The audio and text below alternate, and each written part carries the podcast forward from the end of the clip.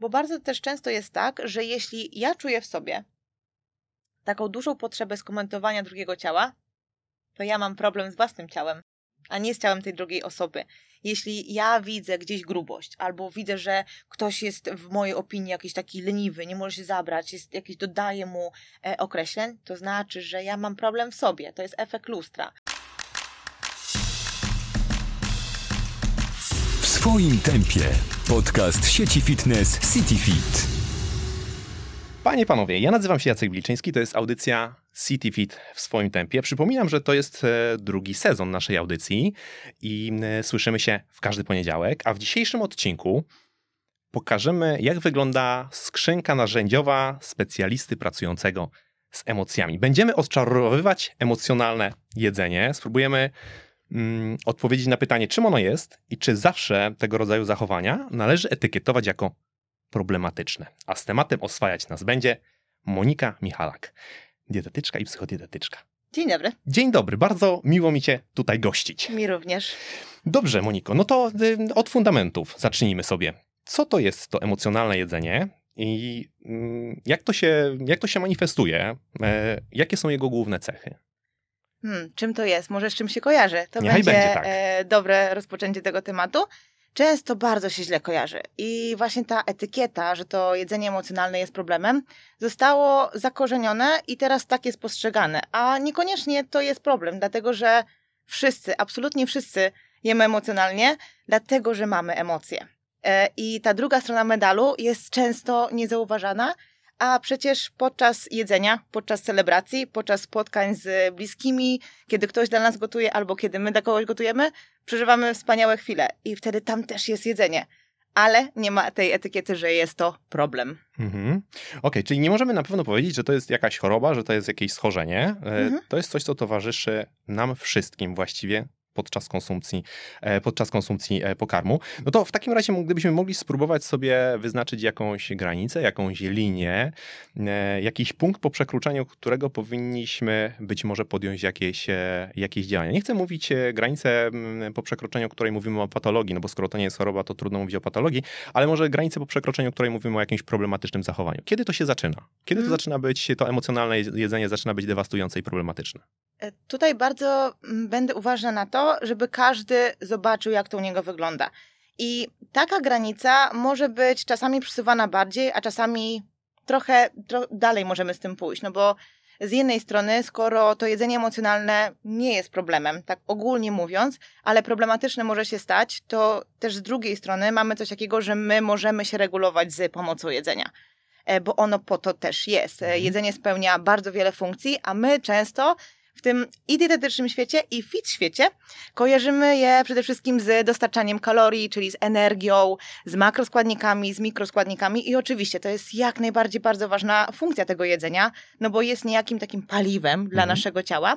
Natomiast z drugiej strony pełni tą funkcję przyjemności, a więc regulatora i trudno znaleźć tak dobrze regulującą substancję, e, jako jest jedzenie. E, szczególnie jeśli chodzi o jedzenie wysokosmakowite, które jest często bardzo wysoko przetworzone, no bo trudno znaleźć coś smaczniejszego niż połączenie tłuszczu z węglowodanami, jak e, czekolada, albo no, jakieś takie produkty wysokosmakowite stworzone przez człowieka, czyli takie, które mają smakować, mają nam Mhm. wybitnie smakować. No i jeśli my świadomie będziemy się regulować tym jedzeniem i jakby też mieć tam jakąś umowę ze sobą podpisaną, czyli taki kompromis, że nie idziemy odpinać wroty e, całkowicie w jedną skrajność albo w drugą, że całkowicie sobie zakazujemy, no to tutaj ta granica może być właśnie tutaj postawiona, że jak to jedzenie będzie towarzyszyć regulacji naszych emocji, no to jest ok. Natomiast jeśli to będzie jedyny taki regulator jedyny nasz sposób radzenia sobie z emocjami, no to tu już bym postawiła taki znak zapytania, żeby przyjrzeć się temu miejscu i być może poświęcić mu więcej uwagi, e, zaopiekować się tym w jakiś sposób i zobaczyć, jak to na nas wpływa. Bo ta intencjonalność tutaj jest bardzo ważna i wybór, i dalej decyzyjność, bo jeśli to, przepraszam, jeśli to jest problemem, to tam nie ma tej intencji, nie ma wyboru, tylko to jedzenie wtedy decyduje za nas. Czyli my świadomie nie mówimy sobie, ok, zjem sobie tego batonika, tylko za tymi wyborami często pojawiają się trudne emocje, tak jakby wzmożony natłok tych trudnych emocji, gdzie one występowały przed tym, jak ktoś sięgnął po dany rodzaj jedzenia. Czyli być może doświadczał stresu albo strachu, wstydu, złości, być może smutku, sięgał po daną rzecz i dalej pojawiło się wzmożenie Mhm. natężenia tych emocji. Czyli jem, bo mi smutno i jeszcze bardziej mi smutno.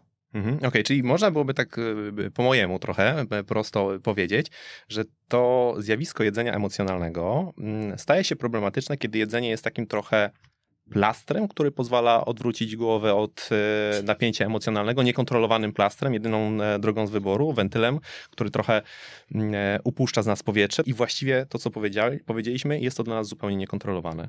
Mm, zupełnie niekontrolowane albo częściowo niekontrolowane. Albo częściowo niekontrolowane. Tak, i tu jest ten taki plaster, że my nie potrafimy w danym momencie zachować się inaczej i często to jedzenie jest wtedy mm, taką naszą pomocą, żeby nie odczuwać tego, co jest do odczucia, Mhm. żeby nie przeżywać tych danych emocji. Em, właśnie, żeby nie zderzać się być może z tymi emocjami albo z tymi myślami, które gdzieś tam nam krążą w głowie, a więc no taki też często kojarzony scenariusz, wracam do domu w piątek, jestem zestresowana po całym tygodniu, i otwieram paczkę chipsów, kładę się na kanapie i nie myślę już o niczym. Jakby te emocje po całym tygodniu dalej w tobie są. Mhm. Ten cały stres z nawet tego jednego dnia dalej w tobie jest. I jeśli ty nie znajdziesz tych pięciu minut dla siebie na uważność i na przeżywanie tych emocji, no to skończy z paczką chipsów. Tylko te chipsy nie zastąpią tego, Mhm. że ty będziesz uważna na to, co czujesz. Mhm, Okej, dobra. e, Fajnie, że podajesz przykłady, bo ja mam taką trochę intencję, żeby z tej rozmowy, tam gdzie będzie to możliwe, żeby popłynęło trochę praktycznej Mhm. wiedzy, żebyśmy mogli trochę podpatrzeć właśnie warsztat pracy osoby, która z, z emocjami pracuje i chyba już myślę, że też część z naszych słuchaczy słyszy i zapewne zdaje sobie sprawę z tego, że to jedzenie to prawdopodobnie będzie tylko ta wierzchnia warstwa, a będziemy tak naprawdę mówić w dużej Tak. mierze, w dużej mierze o, o emocjach. Ale y, zanim tam dotrzemy, to ja mam jeszcze takie pytanie, bo ja szykując się do tego odcinka i czytając literaturę, dotarłem do takich informacji, że to jest domena bardziej kobiet niż mężczyzn. Jestem ciekaw, czy mm, jest na to jakieś wytłumaczenie, dlaczego mężczyźni są bardziej odporni od kobiet, czy e, mm, dlaczego to zjawisko w, w, jest bardziej problematyczne właśnie w wydaniu, e, w wydaniu kobiecym. Nie wiem, czy to jest kwestia większych predyspozycji, czy może mężczyźni nie są zdiagnozowani, czy może na to pytanie po prostu nie można odpowiedzieć. E, tutaj może być bardzo wiele przyczyn i mam nadzieję, że mi się nie dostanie, co, to, co teraz Śmiało. powiem. Natomiast kobiety są bardziej emocjonalne, jakby to, to nie jest złe określenie. Mhm. Jakby ja też jestem emocjonalna i to jest super określenie, dlatego że ja przeżywam i doświadczam swoich emocji. Ja jestem ich świadoma, umiem je nazywać, e, mam szeroki słownik e, tego, jak się czuję i jakby mówię o tym też do osób, z którymi by żyję albo przybywam, e, też jakby uwrażliwiając je na swój stan psychiczny, bo może, wiesz, ja coś jestem zła, coś jakaś markotna i ktoś może to odebrać, że to chodzi o niego, a to chodzi o mnie przede wszystkim i ja jestem tego świadoma. I kobiety częściej jakby też mówią o emocjach, są uczone częściej jako małe dziewczynki o tych emocjach, e, też są częściej, wydaje mi się, takie przytulane i tak jakby pokazuje im się, jak się opiekować danymi emocjami. A Są mniej gruboskórne. a u chłopców jest to trochę inaczej. I dalej każdy mężczyzna był kiedyś chłopcem. A więc ten słownik e, mówienia o emocjach, przeżywania emocji, doświadczania emocji jest właśnie pod tą grubą skórą i często jest takim wstydliwym obszarem. Nie? Mężczyźni nie płaczą. Mhm. E, a jedzenie emocjonalne dotyczy człowieka bez podziału na płeć i powiedziałabym tutaj, że faktycznie u mnie na przykład na współpracach indywidualnych jak najbardziej pojawiają się panowie Mhm. z dużymi problemami jedzenia emocjonalnego czy napadami obiadania, bo no, znowu wszyscy jesteśmy ludźmi, wszyscy się stresujemy i w jakiś sposób sobie z tym stresem musimy radzić. I też e, ten temat jedzenia emocjonalnego jest bardzo wstydliwym tematem, bo jeśli ktoś powie, że musi odreagować stres, więc idzie zapalić papierosa albo wypije lampkę wina wieczorem, Jest powszechnie akceptowalne. nikt mu nie zwróci uwagi. Mhm. A jeśli weźmiesz tutaj jedzenie, że na przykład zajadam stres albo mam napady obiadania, to zaraz pójdzie etykieta słabości, po prostu weź się w garść, wystarczy, że bardziej się postarasz, nie umiesz trzymać diety, nie umiesz czegoś tam Mhm. i tak dalej, i tak dalej, możemy pisać scenariusze. I nie jest postrzegane, że to jedzenie jest faktycznie regulatorem Mhm. i ona nam tutaj pomaga. E, jest to oceniane jako słabość, dlatego znowu nasilany jest e, ten wstyd co do jedzenia. A kolejnie, mm, może to jest, że kolejny wątek otworzę, natomiast wstyd nasila przegładzanie się, które następnie generuje również jakby napady i epizody przejadania się. Mhm. Bo każdy ma ciało, które reaguje na przegładzanie się w dokładnie taki sam sposób. I nieważne jest to od e, zawartości tkanki tłuszczowej czy rozmiaru danego ciała. Jeśli się będziesz przegładzać permanentnie i nie dojadać, to potem, jak już dopadniesz do jedzenia, to zaczniesz jeść i będziesz jeść więcej ponad sytość. I to nie jest twoja słabość, to jest twoja fizjologia. Mhm. Okej, dobrze, na pewno sobie zaraz o tym porozmawiamy i o tym wstydzie też sobie porozmawiamy. Mam e, kilka takich pytań, które w mojej głowie się zrodziły, ale jeszcze gdybyśmy mogli spróbować, to też już gdzieś tutaj między słowami wybrzmiewa, ale gdybyśmy mogli e, e, na chwilę się tylko nad tym spróbować odrobinę pochylić, nawet w kilku, w kilku słowach. Wiem, że temat pewnie będzie i odpowiedź prawdopodobnie mogła być bardzo, bardzo szeroka, ale chciałbym jednak spróbować, może właśnie tak trochę z perspektywy e, takiej zwykłej ludzkiej, przyjrzeć się, nie chcę używać słowa etiologia, bo to nie jest znów m, e, coś, co, co, co jest chorobą, ale jakieś takie przyczyny, być może czynniki ryzyka, które są w naszym życiu, na które być może moglibyśmy zwrócić uwagę, może są jakieś, nie wiem, predyspozycje do, do, do e, jedzenia emocjonalnego w taki problematyczny sposób, no bo w dużej mierze mówimy o tym problematycznym jedzeniu. Nie wiem, czy to jest kwestia właśnie osobowości, czy o tym, co gdzieś wspominałaś, e, wychowanie, posag naszego dzieciństwa. E, Skąd się to tak naprawdę może brać? Tutaj znowu odpowiedź, że kilka przyczyn Mhm. i jak najbardziej te nasze predyspozycje, w jaki sposób przeżywamy emocje, czy zostaliśmy nauczeni przeżywania tych emocji, nazywania ich, jak sobie po prostu radzimy, czy mamy inne wentyle takie życiowe, te 5 minut uważności na siebie, gdzieś tam ruch, który nas e, faktycznie wspiera, a nie który jest obowiązkowym punktem w ciągu dnia, na którym trzeba palić kalorie, żeby móc zjeść I się katować. i się katować, jakby to nie jest wtedy odpoczynek podczas ruchu, a nasze ciała lubią ruch, są stworzone do ruchu. I ten ruch nie musi być męczący i jakby znowu pod etykietą muszę spalić jakieś kalorie, tylko po prostu możesz pójść na spacer, Mhm. podczas którego możesz po prostu poddychać. Po, dalej po prostu możesz być obok siebie, blisko siebie. I ja Jasne. mówię to specjalnie, to po prostu, bo tutaj nie trzeba mm, robić jakiejś wielkiej takiej, e, wiesz, wydarzenia z tego, tylko niech to będzie twój nawyk, żeby być blisko siebie, żeby odczuwać te, te, te, te swoje emocje. E, I dalej, e, właśnie z, tym, z tą uważnością, jeśli chodzi o jedzenie, jeśli ktoś nie je uważnie, czyli nie poświęca czasu na to, żeby zadbać o ten fundament odżywczości, to również to się może nasilać. Jednak takim wspólnym mianownikiem, e, na przykład moich e, podopiecznych e, i kobiet i mężczyzn, Mhm. jest przejście na dietę w przeszłości, jest bycie na restrykcjach. To jest ten wyzwalacz. Bardzo częsty, Mhm. tak. Czego sobie zabraniasz, tym się później będziesz przejadać. I mm, znowu, jak mówiliśmy o wstydzie, to tu się pojawia też strach. I zagwozdka, bo jest strach przed jedzeniem i przed głodem jednocześnie. Stąd te wszystkie zachowania kompensacyjne, bo z jednej strony e, boisz się tych konsekwencji związanych z tym, że się przejadasz, że właśnie jesz emocjonalnie, a często po prostu wybieramy produkty wysoko przetworzone, które mają wyższą gęstość energetyczną. That simple. Mhm. E, więc boimy się tych konsekwencji, no bo tutaj największą obawą jest przytycie, a z drugiej strony boimy się głodu, bo tego głodu wcześniej ktoś doświadczał na tej die- diecie, jeśli wybrał nie tą metodę, a kultura diet podpowiada same nie te metody, Mhm. e, więc boi się tego głodu i boi się też tego głodu, który dalej powoduje to przejadanie się, ale po przejadaniu znowu zaczyna się głodzić. I dlatego to jest to błędne koło. Błędne koło. No to też raczej e, takie błędne koło, które wydaje się w tym momencie bez wyjścia, ale też podałaś kilka między słowami wskazówek, jak, e, e, jak z tym można pracować, albo jakie praktyki, jakie narzędzia można wykorzystywać. Do tego sobie też zaraz przejdziemy. Ale jeżeli to jest błędne koło, no to, to raczej nie buduje poczucia sprawczości, prawda? W ogóle. Mm, dlatego tam jest też e, ta złość. Mhm. E, czyli złościsz się na siebie, że jesz, ale też złościsz się e, i wtedy też jesz, Mhm. bo ktoś się może złościć do wewnątrz i to jest na przykład, no każdy w sumie się złości, to od tego trzeba zacząć. Każdy z nas się złości. Złość jest emocją i nie ma dobrych i złych emocji. Każda jest potrzebna i każda nam o czymś mówi. Jest jakimś sygnałem, który my mamy odczytać. Natomiast jeśli chodzi o jedzenie, to tutaj możemy tak rozgraniczyć, że możemy się złościć do wewnątrz i to są na przykład zaburzenia na tle restrykcyjnym, na przykład anoreksja. E, ktoś się złości do wewnątrz na siebie i dlatego nie je. Ale też tym niejedzeniem on chce coś zasygnalizować, czyli w zaburzeniach odżywiania nie chodzi tak naprawdę o jedzenie. Chodzi, żeby poszukać to, to głębiej.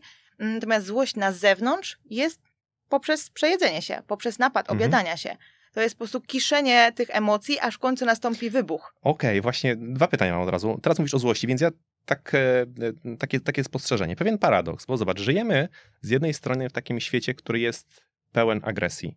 Mhm. Można tak powiedzieć. Wystarczy włączyć e, dowolne media e, i z pewnością tego doświadczymy, a jednocześnie kontakt z tą włas- własną złością bywa postrzegany jako coś bardzo złego, bywa tak ety- etykietowany jako coś bardzo złego, czego nam się często wręcz nawet zabrania. Złość Nie jest złość brzydka. się, nie?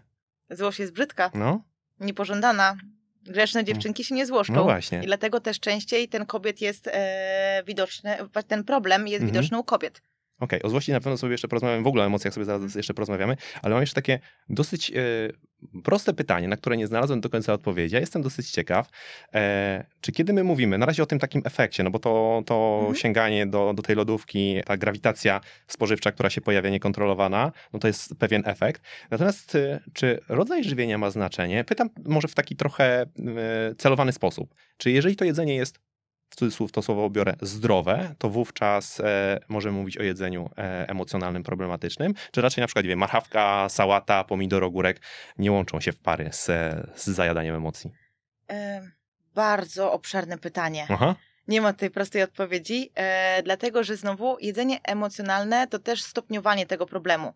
I mm, tak jak zaczynaliśmy od tego, że tam jest ta intencja i jest ten wybór, tak osoby, które doświadczają tego już najwyższego stopnia, czyli mają napady objadania się, gdzie jest niejako utrata takiej świadomości i tożsamości, ty nie wiesz, co w tym momencie robisz. Nie możesz się kontrolować, jest ta ogromna presja jedzenia, to jesteś w stanie się przyjadać nawet tą zdrową żywnością bo to chodzi o ten efekt ów. I ten efekt ów daje to, ten wypełniony żołądek, ten, mm, to sama czynność rzucia i gryzienia, bo to nas bodźcuje, to nas reguluje i to nam pomaga upuścić ten stres. A w przypadku, kiedy jest napad, to jest taki bardzo duży sztorm, bo emocje są jak fale. Przypływają i odpływają. I w momencie, kiedy to nasze morze jest takie spokojne, to my sobie możemy tam sięgnąć po czekoladkę i zjeść sobie kosteczkę. Mhm. Nie? I tak jak mówią, że zjedz kosteczkę czekolady do, na, na deser. No i jakby, okej, jakby jesteśmy w stanie to zrobić.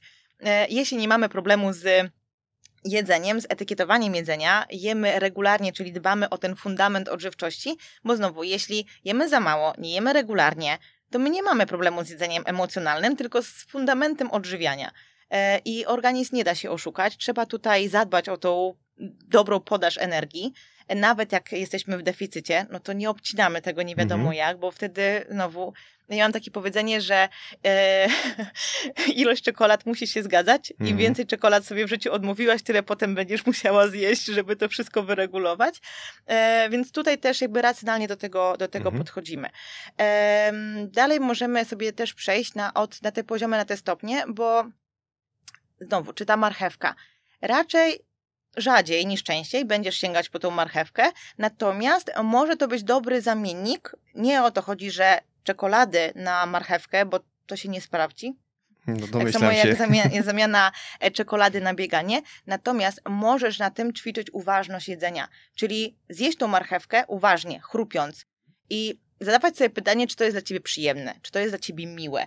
I em, też właśnie taka praktyka uważnego jedzenia, jak wąchanie, jak powolne oglądanie nawet przed zjedzeniem tego, tej, tego produktu, danej, danej rzeczy, już nas jakoś kierunkuje, czy nam się to podoba, czy nam to smakuje, czy nie. E, I to może być coś takiego jak struktura, e, czyli nie podoba mi się zawartość wiórków kokosowych w batonie. Mhm. Ja robiłam to ćwiczenie na sobie, akurat z moją grupą ćwiczeniową i odkryłam, że w jakimś batonie są wiórki kokosowe i więcej po ten baton nie sięgnęłam, dlatego że Możemy go sobie podać rękę. tak uważnie, po prostu bardzo mi to nie smakowało, a wcześniej jakbym jadła bez zastanowienia, Mhm. nie zrobiłoby to na mnie różnicy, byłoby słodkie i okej. Nawet byś nie zwróciła uwagi, że tam jakaś faktura w ogóle była. Tak, tego. tak, tak, tak, dokładnie. A to wszystko ma warstwy i to ma zaplanowane warstwy, żeby ci to tak bardzo smakowało. E, I skoro jedzenie jest też dla przyjemności i jest ta druga strona medalu, to czerpmy z tego jedzenia przyjemność, bo po to w to w końcu jemy. I bądźmy takim swoim racjonalnym dorosłym i nie jedzmy batona, kiedy jesteśmy po prostu głodni, bo to nigdy nie będzie miało do, dobrego efektu końcowego. Mhm. Zawsze będzie ta sytość trochę obniżona. I tutaj wracając do tego, znowu widzisz, duże koło się z tego zrobiło, do tego poziomu e, marchewki, to jedzenie emocjonalne, ten epizod nie musi być duży, bo tak naprawdę w jedzeniu emocjonalnym chodzi o nieprzeżywanie emocji. Czyli ja mam takie określenia jak e, szafko poszukiwaczka i lodówko poszukiwaczka. Mhm. E, I to jest też często powiązane z fundamentem odżywczości. Czyli jestem sobie w pracy, pracuję z domu, jestem przy biurku i coś robię w pracy. Czuję, że potrzebuję przerwy i zaczęłam się kręcić na tym krześle.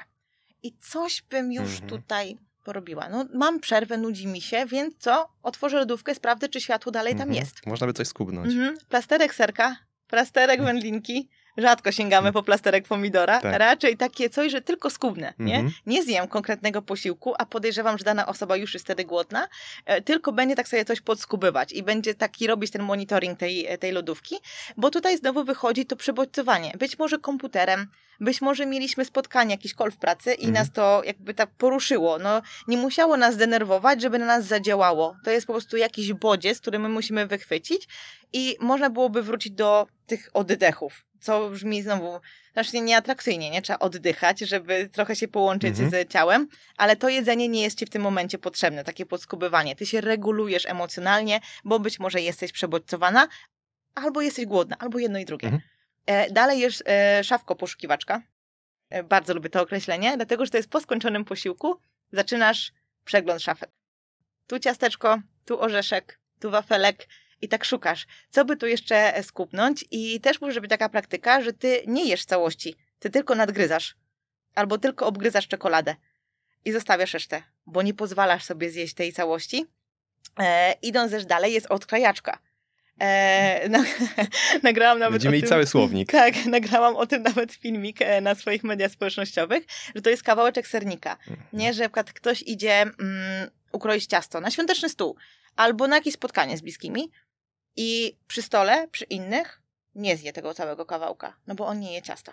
Albo jest na diecie, albo się odchudza, Mhm. albo nie powinnam, nie powinienem, więc nie zjem. Natomiast idę ukroić to ciasto, zawsze się wyrywam, że pójść ukroić Mhm. i odkrajam. Okej. Cieniutkie paseczki, nie? Okej. Potem wyrównaj z drugiej strony, żeby nikt nie zauważył, potem jeszcze od jednego brzegu, od drugiego, od drugiego i koniec końców e, kończymy tak, że zjemy więcej niż ten jeden pozwolony I kawałek. przeżyty w jakiś taki. Tak. E, e, Tak, no. Co słowo dobry, nie wiem, czy jest na miejscu, ale, ale użyję go. Jakiś taki e, świadomy, o może sposób. Doświadczając po Mhm. prostu tej przyjemności z jedzenia, bo jeśli my sobie na to nie pozwalamy, to tworzy się luka, Mhm. która będzie za nami się ciągnąć, bo ja lubię też, Kotwica. tak, ja lubię też to porównywać do, do słoików i mamy coś takiego, że albo mamy siłę, albo nie mamy siłę, ale są kilka jest tych słoików. Ja lubię to mówić tak, słoik siły fizycznej, która oczywiście fundamenty, odżywianie, energia, e, ile jest e, oczywiście tych kalorii, dalej e, sen i taki ruch, dodatek tego ruchu w ciągu dnia, no taki podstawowy basic stuff. Dalej mamy siłę psychiczną, która też ma swój słoik i dalej mamy słoiki potrzeb. Potrzeba bliskości, przyjemności, e, akceptacji. To jest takie podstawowe bycie człowiekiem i to jest to całe sedno, że wszystko się ze sobą łączą i są siecią naczyń połączonych.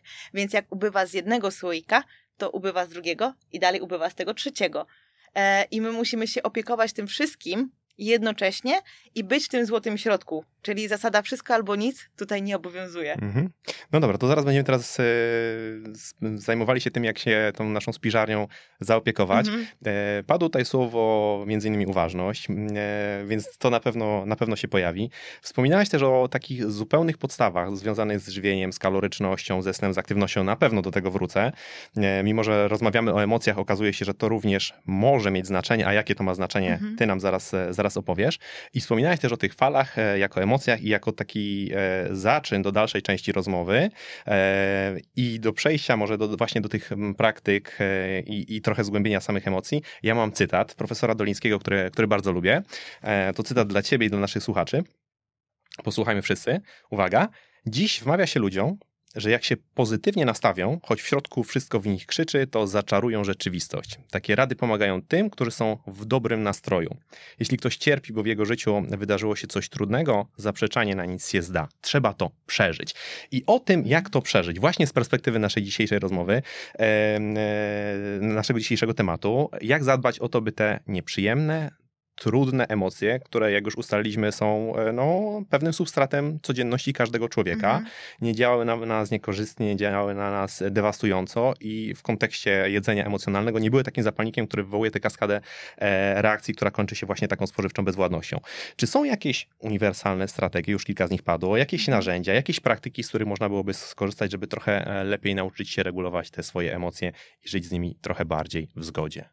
Mm, Wiesz co, przede wszystkim tu jest znowu poznawanie tych emocji i ja Mhm. wiem, że brzmi to bardzo tak dużo, nie? że trzeba te emocje jakoś nie wiadomo jak widzieć albo jak czuć w ciele. Tak naprawdę wystarczy, że się zatrzymasz na parę sekund i zamkniesz oczy i zlokalizujesz swoje ciało. I znowu zlokalizujesz, co ci pierwsze przychodzi na myśl. Zamknij oczy i gdzie pierwsze co, jaka część ciała ci się nasuwa. Ja na przykład bardzo często trzymam napięcie w karku i czuję, że jestem gdzieś tam ściśnięta. Jak gdzieś się denerwuję, to też może mi się zaciskać szczęka, też zaciska mi się żołądek. Czuję taki supeł w żołądku i to znowu, to jest jakiś sygnał z mojego ciała, że ono trzyma emocje. I teraz ode mnie zależy, co ja, co ja z tym zrobię, bo mogę to odepchnąć i mogę pędzić dalej i się nie zatrzymywać i być super produktywna w pracy, mieć super posprzątany dom i być wszędzie, na wszystkich obszarach super, ale być daleko od siebie i tak naprawdę stawiać ten porządek w domu powyżej siebie. Mhm. Czyli ja jestem mniej ważna niż inni, niż moja praca, niż te obowiązki domowe, gdzie oczywiście to są ważne elementy mojego życia, ale nie są ważniejsze ode mnie. A odpychając te emocje, jakby dokładnie tak to robię. Yy, I jak dałeś, da, daliśmy już to porównanie z tymi słoikami, to nieodczuwane emocje, nieprzeżywane emocje, również, również te trudne. Bo to nie jest tak, że my mamy tylko dobre dni. E, Mhm. I ta toksyczna pozytywność bardzo dużo robi złego, bo nawet media społecznościowe są przesycone dobrymi treściami. Szczęściem, radością, e, dobrymi chwilami, jakimiś zakupami i, i tak dalej. Same I- przyjemne emocje. Mm, tak, tak, gdzie z drugiej strony, jako twórca internetowy, ja to rozumiem. Bo kiedy ja przeżywam trudne emocje, to ja nie chcę o tym mówić, ja nie chcę się pokazywać. Ja uciekam przed aparatem Mhm. wtedy i przeżywam to w sobie. Natomiast też pamiętam i mam to sito, oglądając i będąc em, jakby nie twórczynią, tylko, tylko po tej drugiej stronie, konsumując te treści, ja pamiętam, że to jest tylko wycinek z czyjegoś życia. E, I że dana osoba, która w tym momencie gdzieś tam na filmiku się uśmiecha i ma e, najlepszy czas swojego życia, też bywa smutna.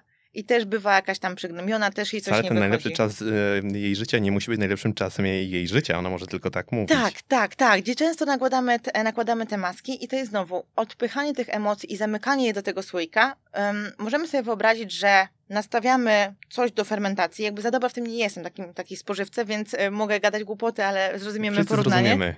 E, napychamy, tam coś dodajemy, żeby się zrobiły kiszone na przykład ogórki albo coś innego i nie dajemy upustu tego powietrza, czyli te bąbelki się osadzają i nagle jak to wszystko pójdzie do góry, Mhm. to będzie coś, co my musimy odreagować. I to tak, my rozmawiamy tutaj o jedzeniu, ale odreagowanie może być krzyk, może być furia, jakiś napad złości taki, Mhm. nie musi być koniecznie jedzenie. To też może być y, jakaś, nie wiem, potyczka, czy to słowna, czy już y, fizyczna. Znowu, my musimy wyrzucać te, te emocje z siebie i lepiej to robić po trochę, cały czas, niż doprowadzić do takiej dużej eksplozji, bo ona zawsze zbiera żniwa. Okej, dobra. e, No, tak trochę z tego wybrzmiało, jakbym to pozwolił sobie e, zebrać, że jednym z takich fundamentalnych właśnie narzędzi, e, które można byłoby Mhm. wykorzystywać, to jest właśnie ta próba uważności, zatrzymania Mhm. się i zastanowienia się, co ja w ogóle e, czuję i, i, i nazwania tego, co ja czuję. Tak, y, gdzie tutaj znowu nie widzę i nie czuję emocji. Mhm. I tak, jeśli ja nigdy nie jadłam czekolady, to nie będę tęsknić za czekoladą, bo nie znam tej czekolady.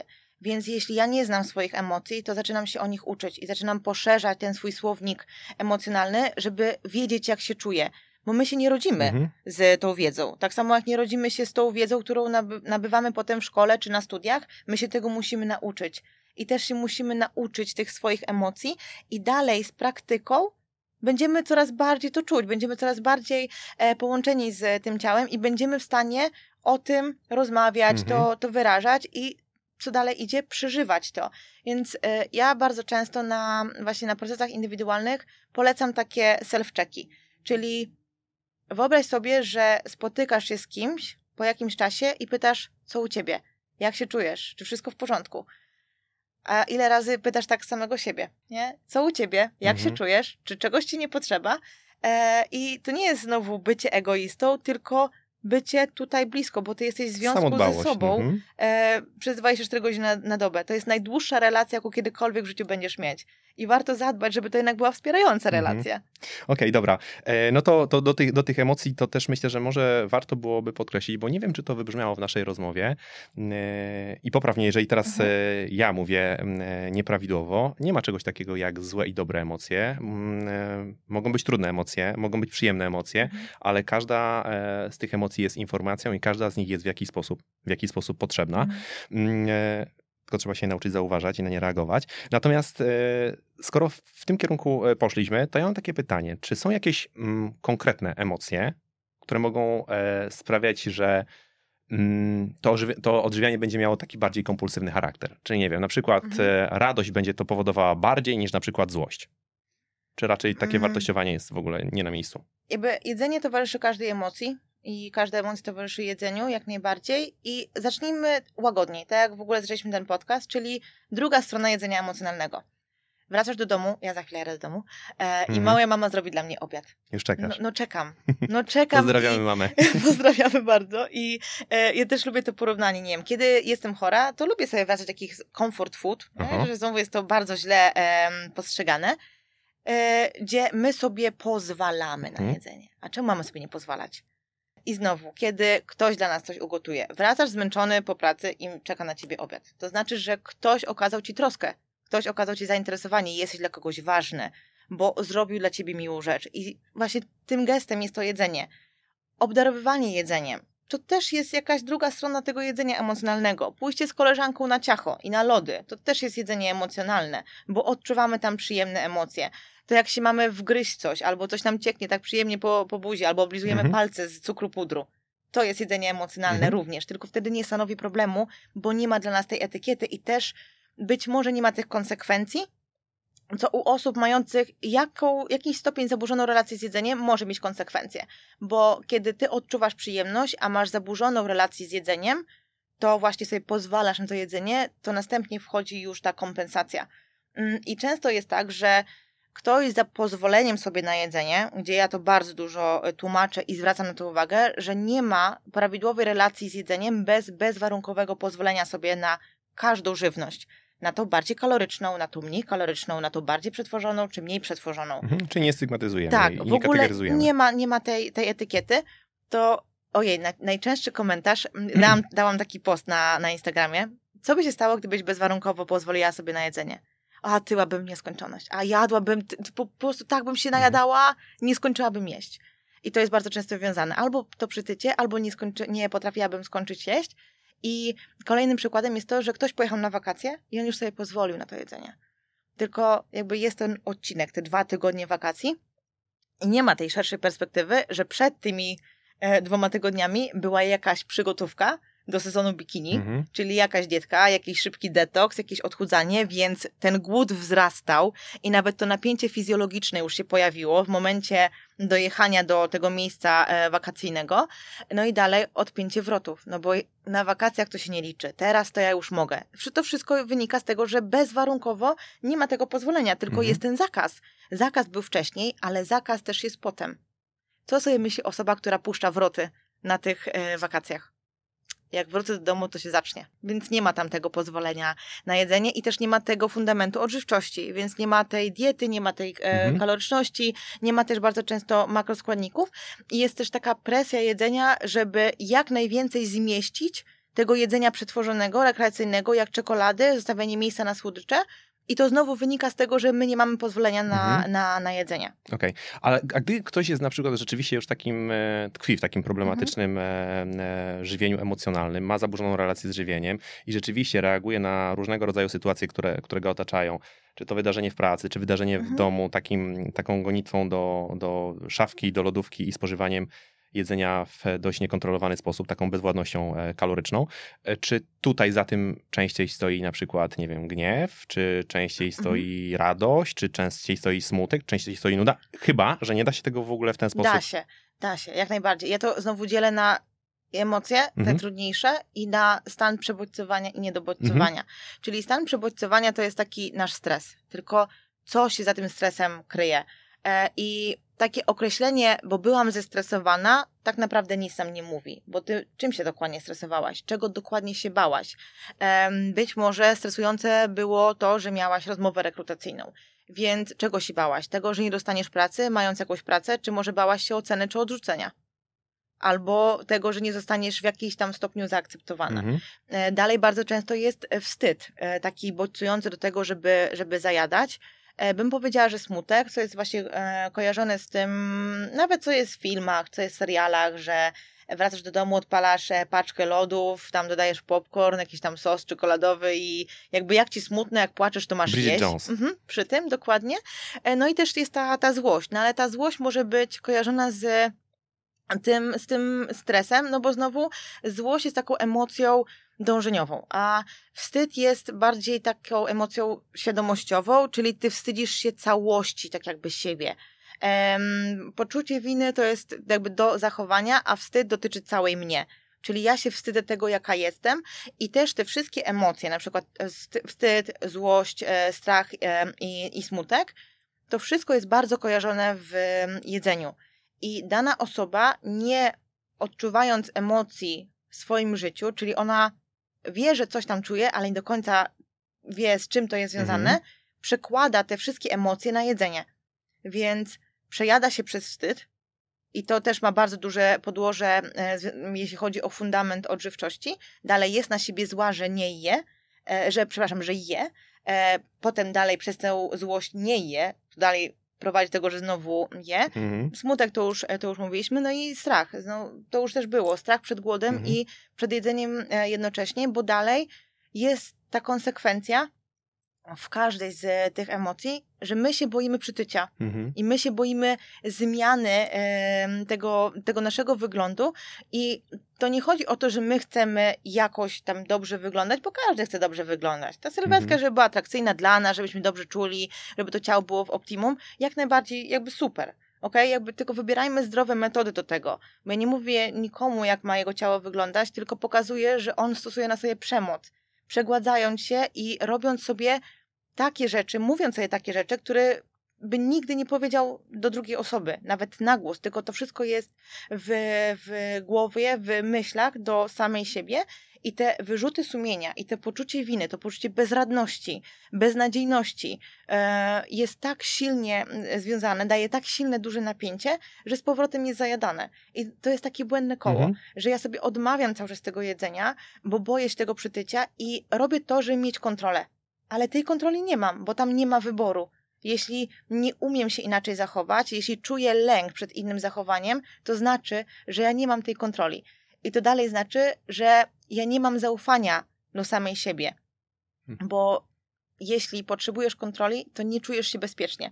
Czyli jeśli nie masz zaufania do siebie, to będziesz potrzebować kontroli. Słuchacie podcastu sieci fitness CityFit.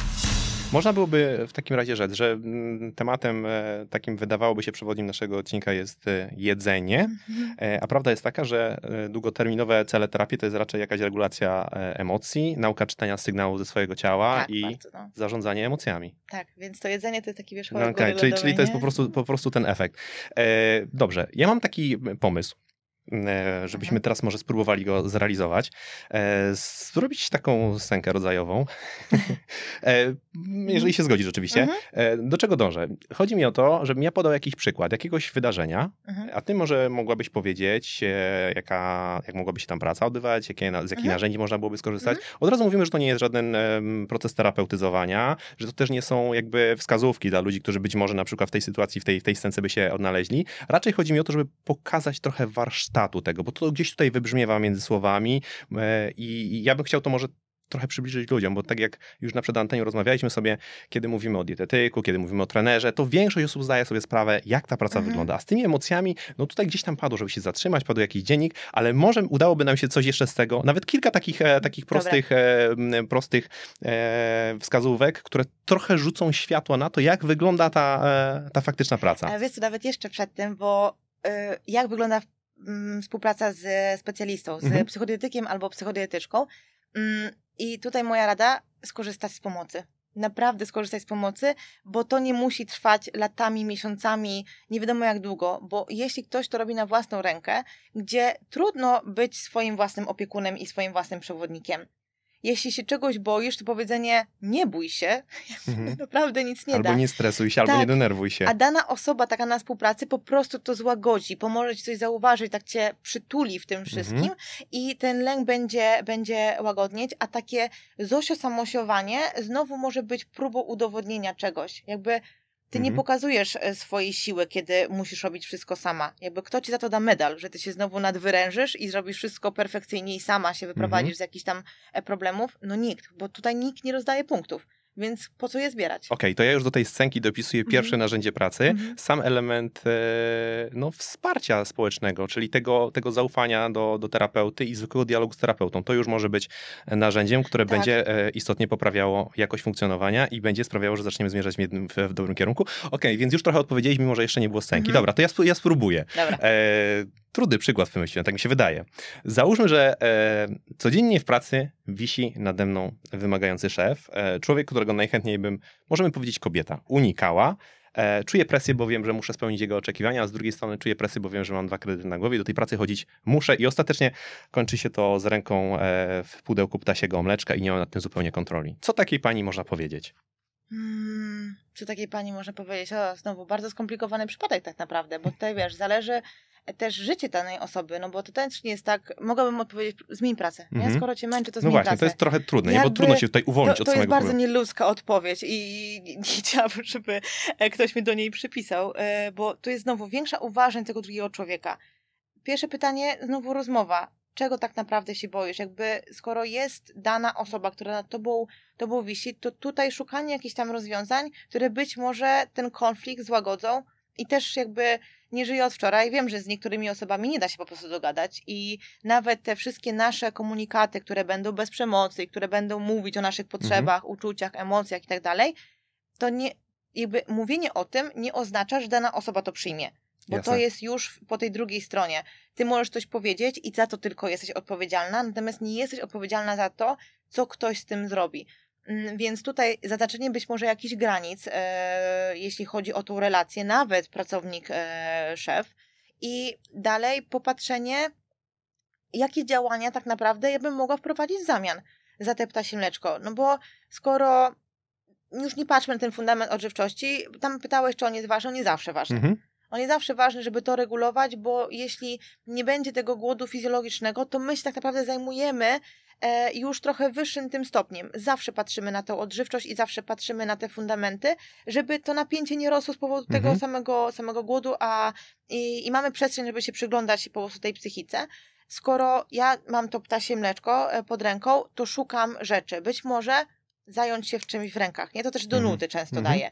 E, Kostka Rubika albo taki gniotek, żeby to napięcie sobie, sobie luzować. Wyjście do łazienki, zamknięcie się i chwilę oddechu.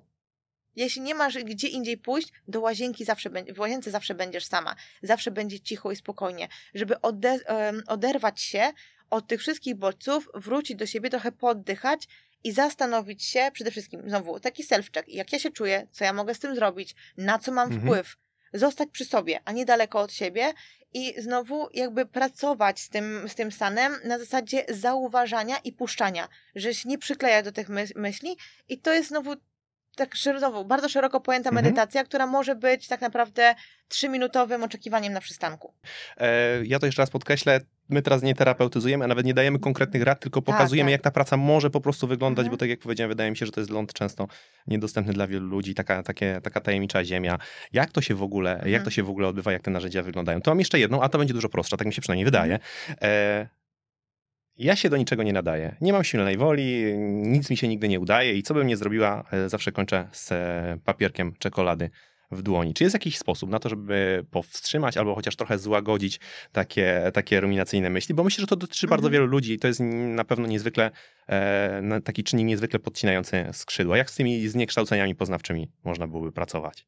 Tak się trochę zaśmiałam, e, dlatego że e, to nie jest oczywiście zasada, natomiast z mojej praktyki to mogę to powiązać, że ja się do niczego nie nadaję, że i właśnie kończę ze słodyczami, to że ktoś trzyma nad sobą taki bat i wybiera taką metodę, która nie jest możliwa do Mhm. utrzymania. I to nie chodzi o twoją słabość, że ty nie dajesz rady, tylko każde głodzone ciało będzie się w końcu przejadać. Wybieranie diety, e, żeby nie rzucać tymi kalorycznościami, ale nawet taka wysoka kaloryczność, gdzie mm, to jest postrzegane, że to nie jest dieta redukcyjna, tylko to jest na przykład zapotrzebowanie jakiejś Mhm. osoby.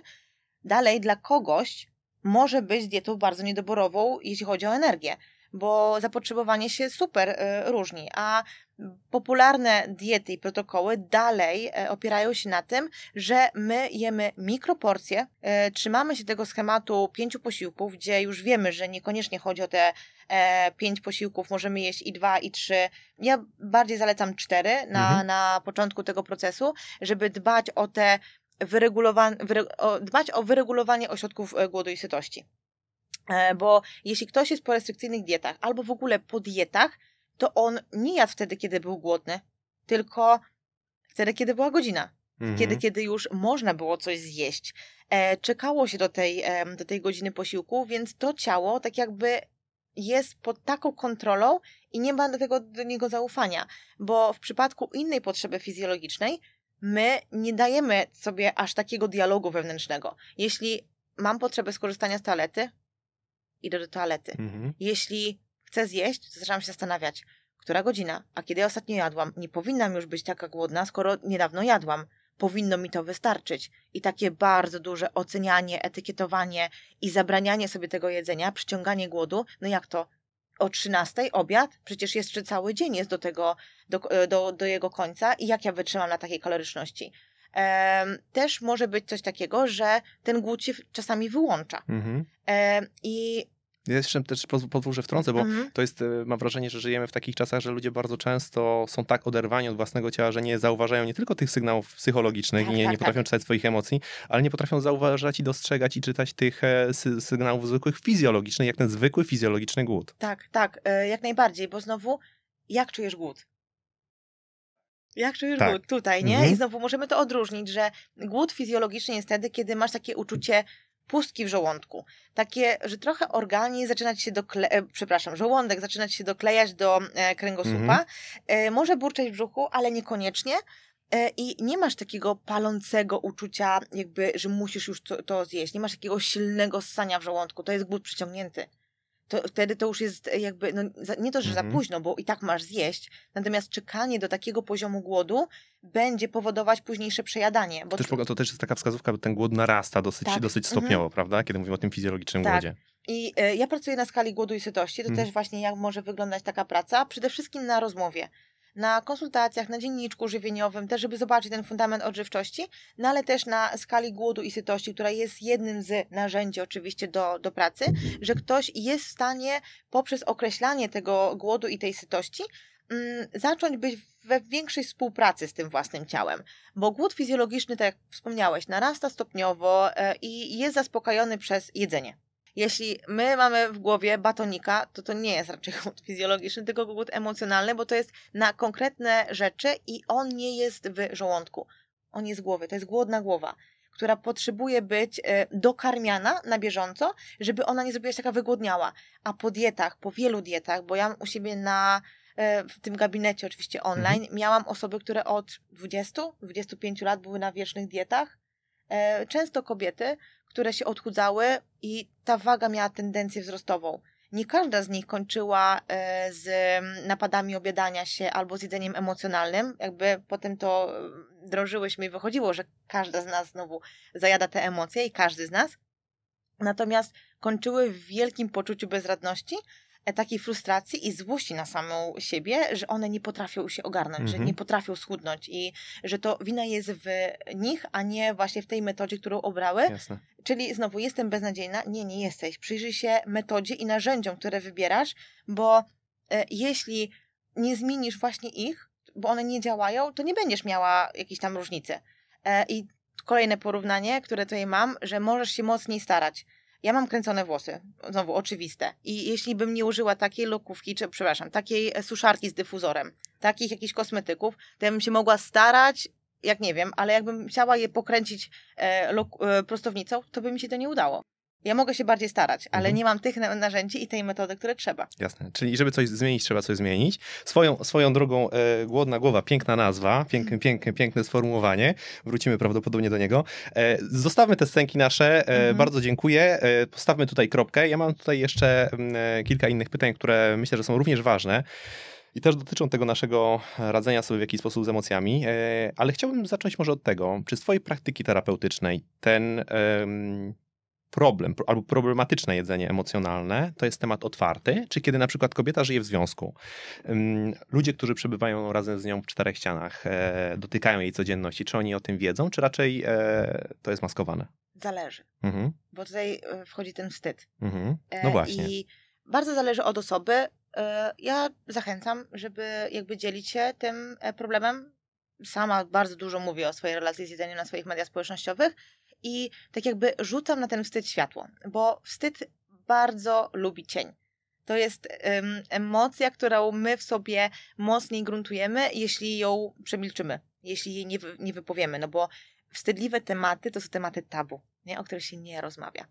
Więc jeśli to jedzenie jest bardzo dużym problemem i dajmy na to, jest e, relacja, e, po prostu są dwie osoby w relacji, które ze sobą nie rozmawiają o swoich trudnościach, to może być tak, że jedna osoba zajada emocjonalnie, ma jakieś problemy z jedzeniem, a druga, chcąc jej pomóc, ale nie znając pełnych narzędzi, jakby triggeruje ją, jeszcze bardziej ją podjudza do tego, żeby zajadała iść na siłownię, choć gdzieś tam pójdziemy się mhm. poruszać, albo chodzić tam pójdziemy na, na miasto coś zjeść i tak jakby zachęcając i próbując, no trafia kulą w płot, no bo nie ma pakietu tych, tych informacji. Dużo lepiej się pracuje, jak jest to wsparcie e, właśnie drugiej osoby albo w ogóle wsparcie społeczne. Natomiast tego wsparcia społecznego nie ma, bo to już rozmawialiśmy o tym alkoholu i o tych papierosach. Jakby to jedzenie emocjonalne jest kojarzone ze słabością i jest e, nawet ta dieta, e, nawet dieta, to nie jest dieta, to jest określenie, MZ. Mhm. To jest stare jak świat. I gdyby to naprawdę działało, to, no to nie mhm. mielibyśmy problemów z tendencją wzrostową, jeśli chodzi o masę ciała. Okej, okay, mhm. się jakąś taką jedną nawet wskazówkę tutaj między słowami, e, jak można radzić sobie z poczuciem winy, czyli wprowadzenie trochę światła do tego i, i otwarcie tym, się, to, no. to, to może być jedno z rozwiązań. Ale też wspominałaś tutaj o, tych, e, o tym wsparciu i o tym, jak te, jak te osoby bliskie ewentualnie mogą ewentualnie e, czasem zaszkodzić, albo czasem mhm. właśnie walić głową w mur, bo nie mają narzędzi. To czy my możemy spróbować e, podać jakąś wskazówkę, jak osoba bliska może wspierać taką, taką, takiego człowieka, albo czego nie powinna robić, żeby jej mm. właśnie nie podcinać bardziej, bardziej skrzydła. Załóżmy, że ona o tym wie, tak? że to jest temat mhm. na tyle otwarty, że, że, że, że o tym po prostu wie. Co ona może zrobić? Albo czego lepiej, żeby nie robiła? E, pierwsze, co mi przychodzi na, na myśl, nie komentować pytać, rozmawiać, okay. zada zadawać właśnie e, te pytania otwarte, żeby ta dana osoba powiedziała, co ją wspiera, bo każdego z nas wspiera coś innego.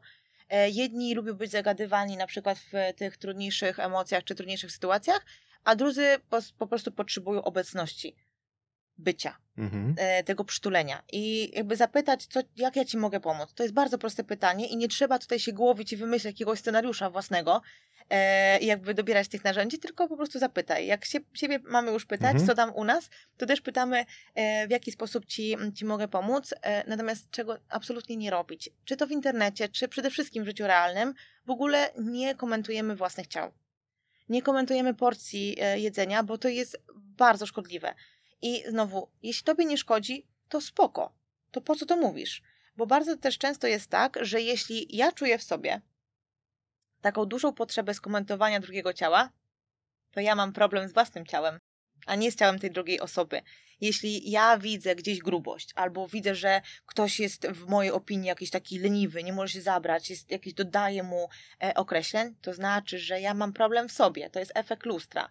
E, bo jeśli by tak nie było, to co mi robi ten drugi człowiek? Po prostu mogę na niego nie patrzeć. Coś mi się mhm. nie podoba, to idę dalej. Jakby po co zostawiam tam swoją energię i, e, i swój czas. Natomiast jeśli to jest osoba bliska, nie komentujemy ciała, czyli nie komentujemy przytycia, zmiany masy ciała, czy też schudnięcia, bo znowu przytycie jest kojarzone z porażką, a e, sukces z odchudzaniem.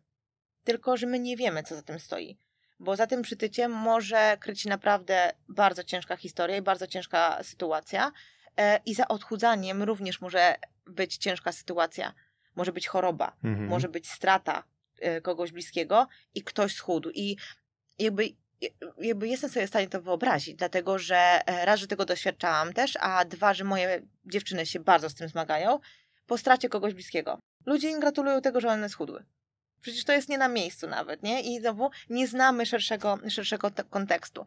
Dalej, nie komentować wyborów żywieniowych, czyli nie sugerować tych dokładeczek, gryź się w język. Ja wiem, że bardzo często chcemy coś dla kogoś e, dobrze, żeby na przykład on zjadł więcej, jeśli e, naszym zdaniem ktoś jakby je za mało, tylko znowu, jeśli ktoś ma zaburzenia restrykcyjne, to to jest praca do specjalisty, a nie dla członków rodziny, bo to, to jest choroba. Zaburzenia odżywiania są często chorobą. My Mhm. tutaj mówimy o jedzeniu emocjonalnym, więc bardziej tutaj takie wsparcie na zasadzie nie komentuj tego, że ja czasami zjem czekoladę, bo ja na przykład uczę się jeść tej czekolady, bo ja sobie mm, zabraniałam i bo czułam ogromny wstyd, jak jadłam ją przy tobie i dla mnie to jest sukcesem, że ja zjem czekoladę w czyimś towarzystwie. Więc nie komentuj tego, bo Mhm. dla mnie to jest wystarczająco już trudne, że ja ją przy tobie jem. Po prostu bądź. Bądź i bądź moim jakby takim wsparciem, po prostu, że ja przy tobie to zjem, bo ja w sobie, w swojej głowie przeżywam te wszystkie komunikaty i, i natłok myśli. E, też po prostu nie pytaj. Czasami nie Mhm. pytaj, po prostu bądź. I, Okej, i to czyli- jest bardzo dobra rada, Okej, wydaje, czyli no. po prostu e, pamiętaj, że jestem, jeżeli mogę ci jakoś pomóc. Dokładnie, tak po ludzku. Mhm. Czyli znowu niech to jedzenie nie będzie takim takim czymś, za co mogę pociągnąć i, i, i coś, co mogę się złapać, żeby jakby kogoś osaczać tymi Mhm. pytaniami. No tak samo jak nie pytamy o, o właśnie inną potrzebę fizjologiczną, no wyobraź sobie taką sytuację, że podchodzisz do kogoś i mówisz, a ile dzisiaj spałeś? Albo wyspałeś się dzisiaj? No czasami może i tak się Mhm. pytamy. A czy tyle zjesz? Albo nie jesteś jeszcze, jakby nie jesteś głodna? A weź zjedz jeszcze. No weź zjedz jeszcze. Jakby to takie namawianie, albo właśnie ty tyle zjesz, ty jesteś w stanie tyle Ja to się najem jednym kawałkiem pizzy. Ja to łyk jogurtu, jestem taka pełna i to jest bardzo szkodliwe. I to też, ym, też może wynikać z tego, że dana osoba znowu ma problem z tym jedzeniem, więc ona próbuje sobie wmówić, że jest Mhm. najedzona. Jasne. Dobrze. No to spróbuję w takim razie e, pójść odrobinę, bo to też gdzieś tutaj już między słowami pojawiają się takie, takie wskazówki trochę, albo takie informacje, można to wyczytać, ale chciałbym się nad tym e, znów trochę bardziej pochylić. E, porozmawiać trochę o konsekwencjach. Czy taka problematyczna relacja z jedzeniem emocjonalnym może być preludium na przykład do poważniejszych zaburzeń odżywiania, jak anoreksja czy bulimia? Mm, Wydaje mi się, że tak.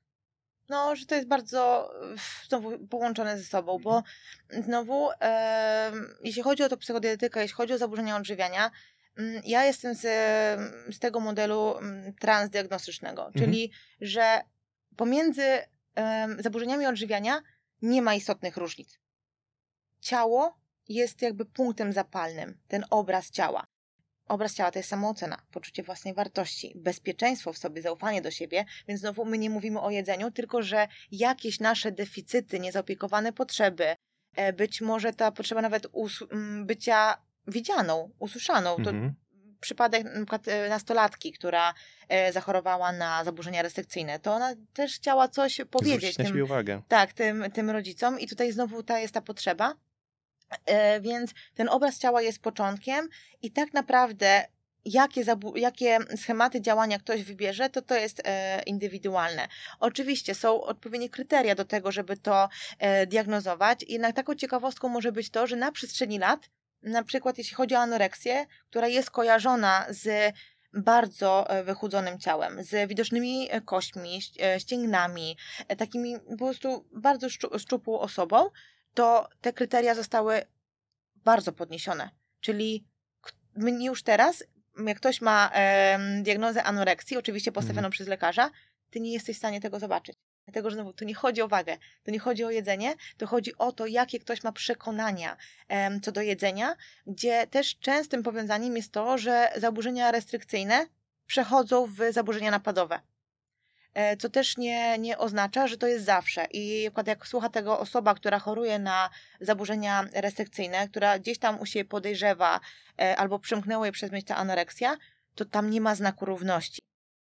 Czyli jeśli ty teraz jakby sięgniesz po pomoc, to to nie musi do tego jakby dojść. To też nie musi zawsze do tego dojść, bo każdy jest przypadkiem, e, przypadkiem indywidualnym i kolejny znak równości, jak na przykład ktoś się zmaga z napadami objadania się albo z epizodami przejadania się, to że nie ma znaku równości pomiędzy głodem a tym, że ty się przejesz. Mhm. Ty jesteś w stanie tak wypracować swoją świadomość, swoją sprawczość i swoją decyzyjność, nie bazując na kontroli, a bazując na zaufaniu, że nie będzie takiego autopilota, jeśli chodzi o zachowania kompensacyjne. Okej, no chciałem po prostu trochę taką e, pokazać rangę tego problemu, do czego to potencjalnie może Mhm. e, prowadzić. E, oczywiście nie musi, ale, ale jako, jakby Tak. jako, jako jedną z dróg. Swoją drogą, e, drodzy Państwo, e, zachęcam, ponieważ prawdopodobnie już online jest dostępny odcinek, e, z, mm, w którym rozmawialiśmy z dziewczyną, która mm, no, borykała się z anoreksją i cała ta Mhm. historia została tutaj e, opowiedziana,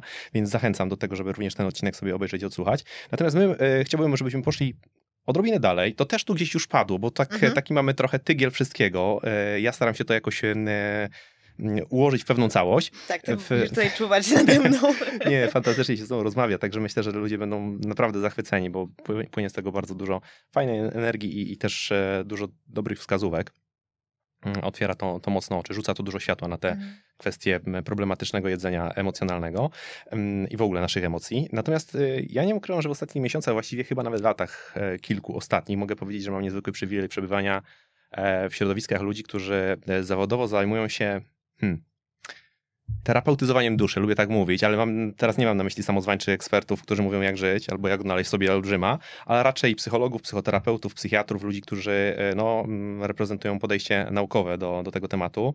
Jako taki bierny obserwator, bierny e, słuchacz mam wrażenie, pokuszę się właściwie o stwierdzenie, że z ich ust bardzo często e, m, pada, padają takie słowa, że ogromną rolę w terapii przeróżnych zaburzeń odgrywa właśnie aktywność fizyczna i sen.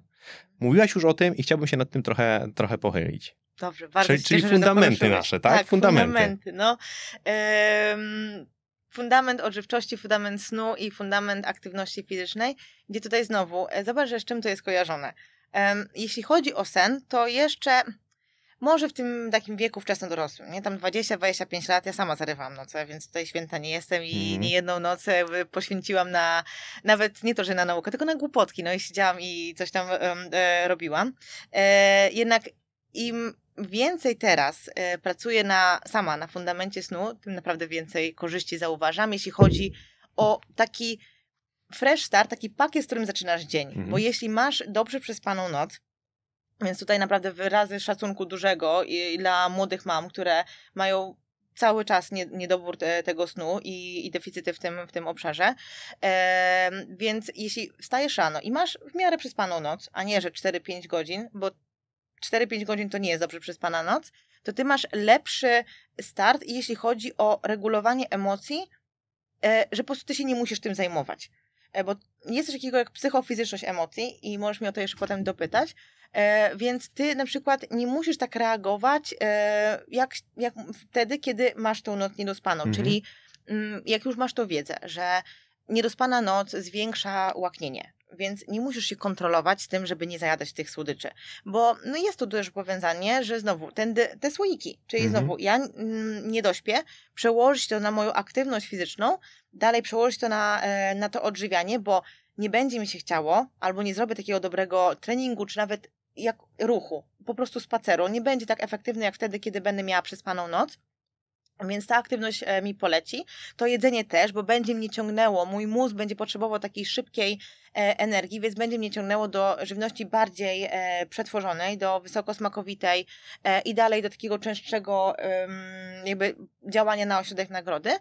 Więc jeśli ja to będę robić, no to znowu, jeśli nie będę miała aktywności fizycznej, takiego ruchu po prostu, to będzie mi się gorzej spało. Mhm. E, to też e, to jakby ten, jakość tego trawienia i tak dalej też może być e, pogorszona, no bo ruch nawet poprawia e, pracę jelit, jeśli chodzi o perystaltykę.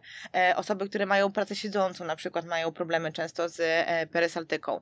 No i dalej, jeśli wybiorę złe jedzenie i nie dam sobie tej dawki ruchu, takiej wspierającej, to fundament snu będzie również zaburzony. Natomiast ta aktywność fizyczna, e, no ja wiem, że nagrywamy e, jakby podcast, jeśli chodzi o siłownię. Mhm. Natomiast e, to nie jest tylko siłownia. Jasne. To są bardzo, to jest bardzo dużo aktywności, gdzie tak naprawdę, e, jak nagrywałam też odcinek u siebie z Sandrą, która była twoją również Mhm. gościnią, to my to w ogóle rozłożyłyśmy na czynniki pierwsze, że ruch może być tylko oddechem, nie? Tak. Zaciskanie e, dłoni i puszczanie. I to jest też praca, którą ja często e, polecam, e, moim e, podopiecznym, które się zmagają z tym jedzeniem emocjonalnym, czy w ogóle z napadami obiadania się tutaj bardziej, żeby zacząć oddychać i puszczać. I to Mhm. też jest ruch. To, że ty rano się przyciągniesz, e, to też jest ruch. To, że uniesiesz ręce i je opuścisz, e, to też jest ruch. E, I to nie musi ci spalać kalorii, więc nie zakładaj tego zegarka, żeby ci to monitorowało, tylko po prostu zacznij czuć więcej w ciele, zacznij czuć siebie w tym ciele. Gdzieś tam poruszaj głową, gdzieś tam poddychaj bardziej klatką piersiową, połóż jedną rękę na e, klatce, drugą na brzuchu i zacznij lokalizować, co się, co się właśnie dzieje i to bardzo nam pomaga regulować te, te emocje, które później, jeśli ich nie wyregulujemy tu i teraz, to one później, ono, Odbiją znajdziemy je w jedzeniu. No. Okej, dobra, bardzo fajnie, że o tym mówisz, ja tylko też e, podkreślę, że tak, siłownia, natomiast ja e, to, co zawsze powtarzam, e, zdrowie i dbanie o zdrowie zaczyna się od ruchu, nie od treningu. Trening to jest dopiero kolejny element, który nakładamy, jeżeli na to mamy zasoby, na to mamy możliwości i chęci, a tak naprawdę przede wszystkim powinniśmy dbać o, o ruch, bo to jest, e, to jest absolutny fundament i nie odnoszę tylko tego do kwestii e, regulacji emocji, bo w tej, w tej materii nie mam szczególnych kompetencji, ale w ogóle naszego dbania o nasze, o nasze po prostu zdrowie fizyczne i, i, i psychiczne, czyli nasz dobrostan. E, Ale wspominałaś przed chwilą, że powinienem cię jeszcze zapytać o psychofizyczność emocji, dlatego pytam cię o tę psychofizyczność emocji. Mhm, no dobra, to wytłumaczę to na zasadzie złości, bo em, złość jest znowu dużym punktem, jakby Mhm. dużym takim obszarem. Mamy taki worek i tam jest złość.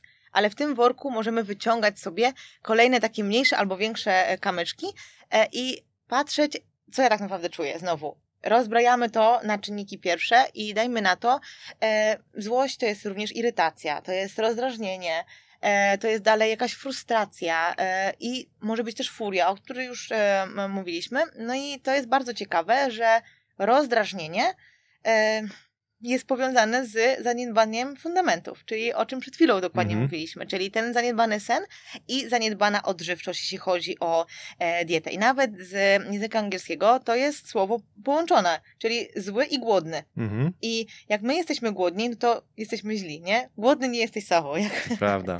tylko, że wtedy znowu racjonalny dorosły. Nie baton, a posiłek. I kiedy ja nie dbam o ten, taką tą podstawę tej góry, czyli o tą odżywczość, no to mam do pracy i napięcie fizjologiczne, i napięcie psy, e, psychiczne. Czyli jadę pod górę z przebitą oponą. Totalnie. Mhm. Więc na samym początku regulujemy ten fundament odżywczości, żeby było nam łatwiej. E, I też e, znowu te obawy związane z ciałem i tak dalej. Jeśli będziemy w optimum, to nasze ciało lubi optimum. Nasze ciało nie lubi się przejadać. E, I też nie, jakby samo nie będzie dążyć do tego, żeby gromadzić tkankę tłuszczową, bo po prostu będzie wtedy ciężej, jeśli chodzi o wydolność no, układów i narządów. E, I do, tu wchodzi człowiek, który potrafi dużo zepsuć, e, jeśli chodzi nawet o, o naturę.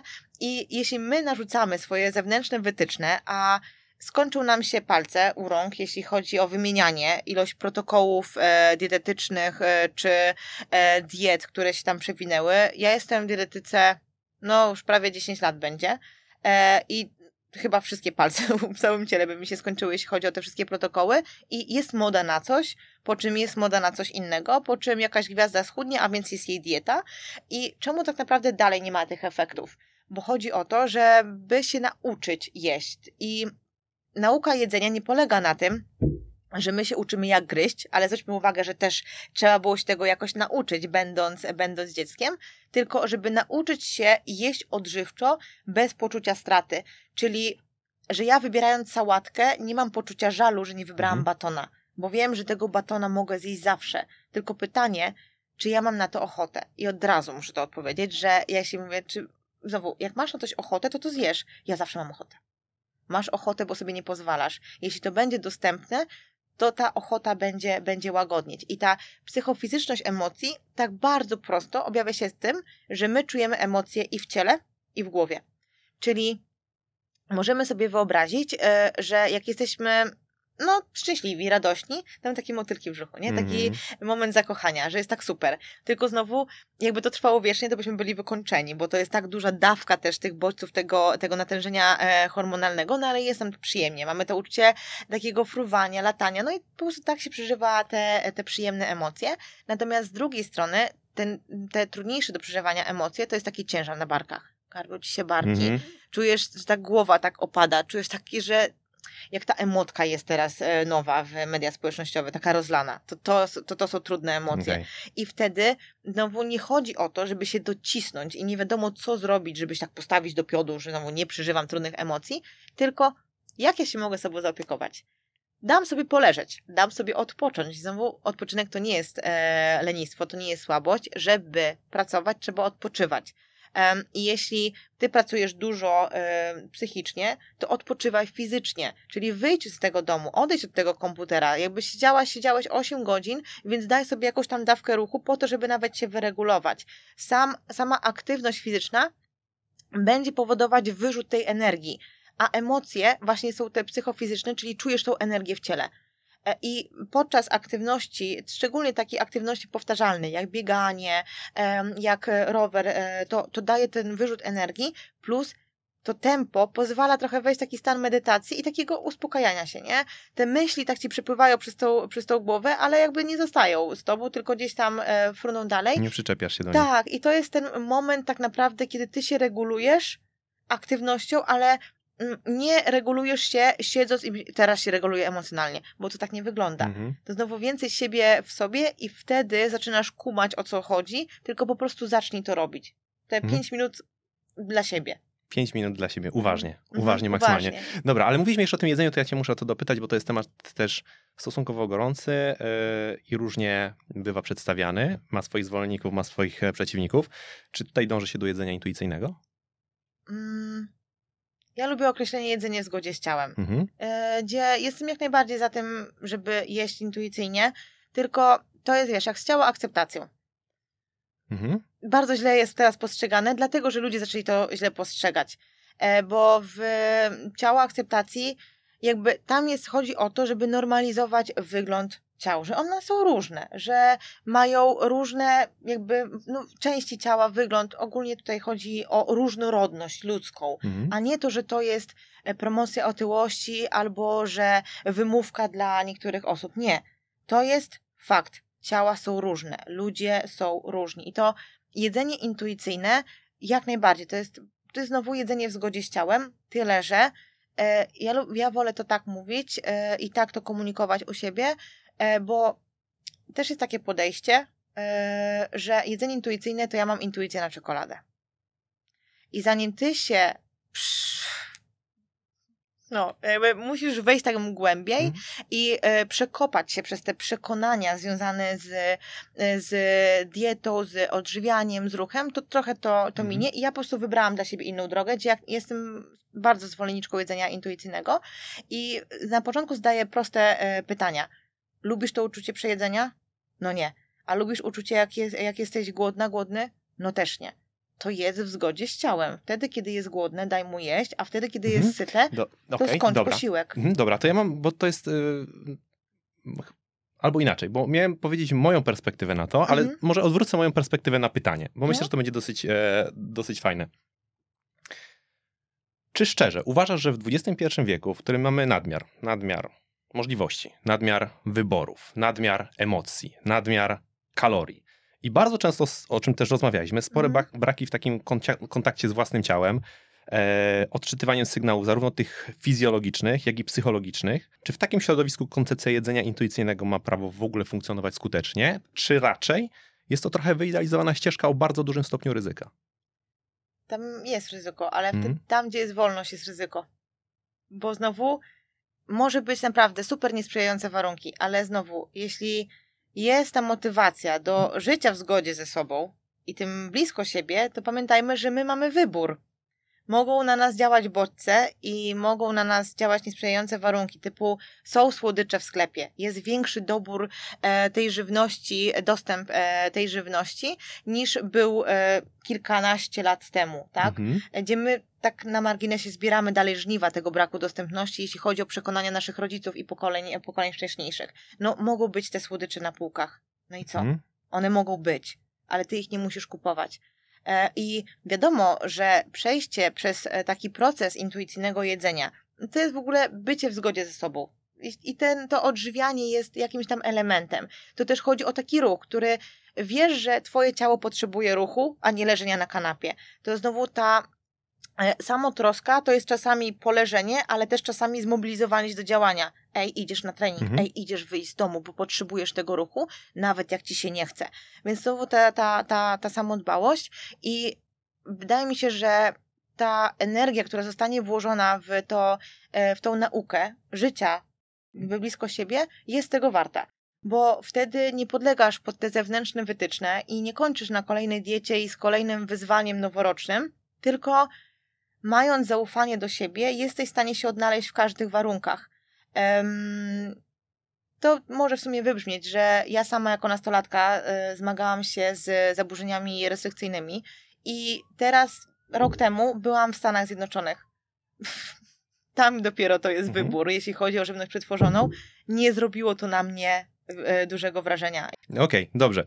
E, na pewno jest to imponujące podejście. E, Postawmy tutaj kropkę. E, temat oczywiście jest. e, e, nie chcę mówić otwarty, ale, ale myślę, że, że można byłoby na, na, na ten temat dosyć długo dy, Tak. dy, dyskutować.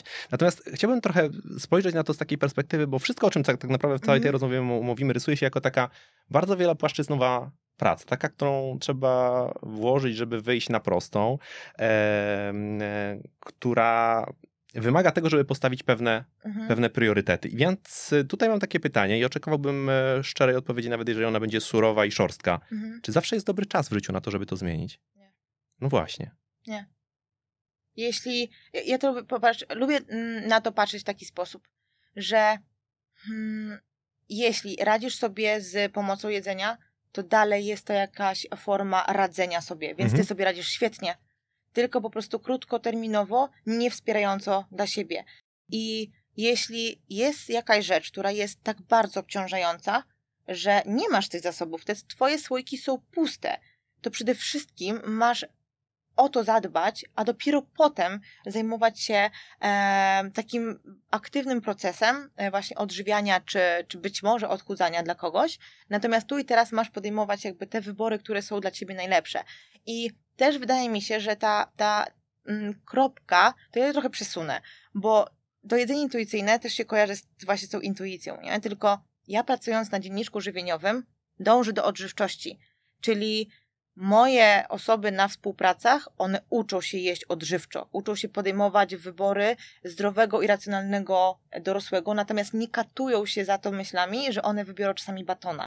Ale nie wybierają tego batona zamiast posiłku, tylko zjadają uważnie do posiłku. Czyli to jest to, co robi dietetyka. Tak, ta, no. która, ta, która Mhm. odchudza.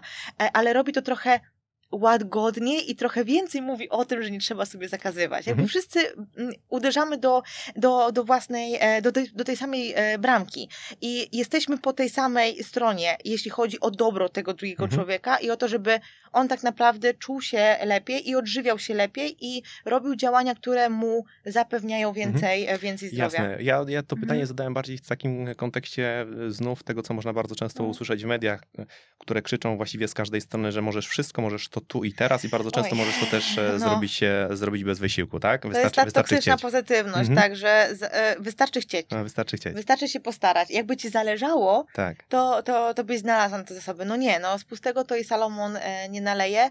I jeśli, dajmy na to, będziemy to bardziej odpychać, to często takie odpychanie problemu i brak akceptacji tego, że ja nie mam na coś siły, e, będzie powodować znowu e, wzmożenie na przykład epizodów przejadania się. Mhm. Bo to jest tak jakby. Ja lubię na to patrzeć jak trochę na pieniądze. E, Jeśli nie mam pieniędzy na coś, żeby coś kupić, no to cały czas biczowanie się za to, że nie mam na to pieniędzy, nie mogę sobie tego kupić, no jakby nie doprowadzi mnie do tego celu, więc ja muszę się skupić na tym, jak zarobić więcej pieniędzy, żeby sobie na coś pozwolić. Więc jeśli nie mam na coś zasobów, to wracam do tego, co mogę dla siebie zrobić, co ładuje mi te zasoby. I to nie jest to, co podpowiada współczesny świat. Czyli ty nie masz zwiększyć obrotów, nie masz postarać się bardziej, tylko masz sobie dać odpocząć i być może więcej czasu e, niż na taki trening na siłowni przeznaczyć na ruch w naturze, który będzie łagodniejszy, który będzie spokojniejszy. Być może to będzie e, mata e, i, i spokojniejsza yoga z oddechem, jakaś medytacja prowadzona. To też jest ruch. Przypominajmy, że ruch naszych narządów wewnętrznych też jest ruchem. Mhm. Mimo, że nie spala tyle kalorii co bieganie, natomiast nie o kalorie tutaj chodzi. Być może więcej czasu z bliskimi, e, przytulanie się się do psa albo do kogoś, e, do kogoś bliskiego. No tutaj faktycznie opiekujemy się sobą jak najlepiej, e, tak jak drugą osobą ważną dla nas, a nie dociskamy sobie śrubę. I zastanawiajmy się też, co byśmy powiedzieli osobie, która przychodzi do nas taka, właśnie jak ta emotka, taka rozlana, że ze zmęczenia po prostu ledwo co wyrabia, a my to, idź tam szybko, mocniej ciśnij, teraz, już. Masz natychmiast lepiej się postarać. Masz być lepsza. Śpij szybciej. Tak, śpij szybciej. No, śpij szybciej. Tak, no. E, Dobrze, E, dobrze Monika. Myślę, że to, co teraz powiem, to może być takie, może nawet trochę e, podsumowanie, oczywiście z mojej Mhm. strony, tak sobie to teraz w głowie układam. Mm, Nie będzie w tym pytania, ale może się też do tego odniesiesz, bo e, moja perspektywa wcale nie musi być e, właściwą perspektywą. To, że powiedzieliśmy sobie, że człowiek jest istotą emocjonalną, to wybrzmiało. Mhm. Prawie wszystko, co robimy, w pewien sposób jest sterowane i napędzane przez, przez, przez uczucia, przez emocje. I wydaje mi się, tak e, po tej rozmowie i tak e, patrząc na moje doświadczenie spotkań z ludźmi, którzy e, o tych tematach psychologicznych mówią, że to dostrzeganie emocji i regulowanie emocji i naprawa, usprawnianie tego, tego mechanizmu może poprawić funkcjonowanie na bardzo, bardzo wielu polach, żeby nie powiedzieć na wszystkich polach, na wszystkich płaszczyznach naszego życia, również na tych bardzo, bardzo dalekich od jedzenia.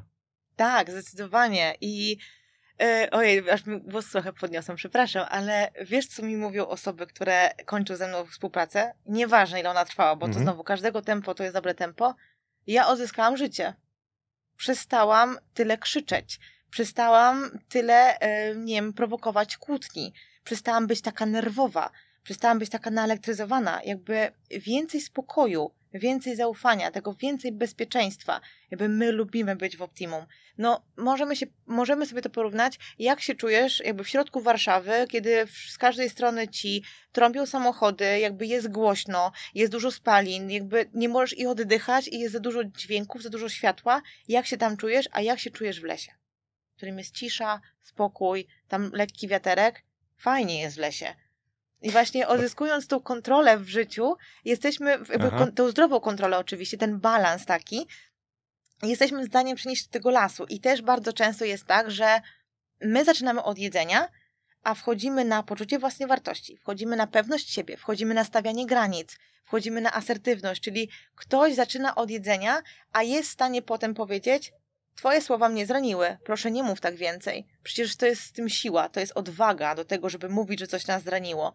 Tylko znowu wydaje mi się, że mm, przekładanie tego tak od razu Mhm. może kogoś tak zamknąć, że okej, jakby to jest trochę dla mnie za duże, a zaczynając od jedzenia, zacznie po To jest prostu. trochę to za się, ciężko. Tak, Mhm, zacznie się za- to poszerzać. Za trudno jest to udźwignąć, ale tak, e, takie właśnie odnoszę wrażenie, że to jest taka wielopłaszczyznowa poprawa jakości, jakości naszego Mhm. życia, która uczy nas zwyczajnie mówiąc oddychać I e, żyć. i żyć. Dobrze. E, ostatnie pytanie. Mówimy o emocjach, których tłem oczywiście jest jedzenie. E, kiedy skala tego problemu jest na tyle duża, że należałoby przekierować do na przykład e, psychologa albo psychoterapeuty? Jest jakiś taki sygnał? Jeśli zabiera mi to życie Mhm. i zabiera mi to czas, energię, moją głowę, czuję ciągle, że właśnie mam tą głodną głowę, ciągle myślę o jedzeniu, ciągle myślę o tym, kiedy zjeść, e, albo jaki posiłek przygotować, albo żeby nie przytyć. Moją codzienną praktyką jest to, że się ważę. Nie przygotowując się do żadnych jakby na przykład zawodowych, e, za, zawodów sportowych, to to jest może twoja czerwona flaga. Oś twojego życia. Tak, że skoro policz sobie, ile minut w swoim dniu codziennym poświęcasz na sprawy związane z jedzeniem, z ruchem, oczywiście jeśli chodzi o kalorie, e, i z ciałem. Bo jeśli to jest ponad taki monitoring, ej, co u ciebie, jakby czy spoko, jeśli jest oglądanie brzucha, sprawdzanie, czy nie jest bardziej em, większy po posiłku, sprawdzanie, czy mam wystarczająco płaski brzuch, żeby zjeść posiłek, Mhm. to jakie to jest życie? E, dobrze.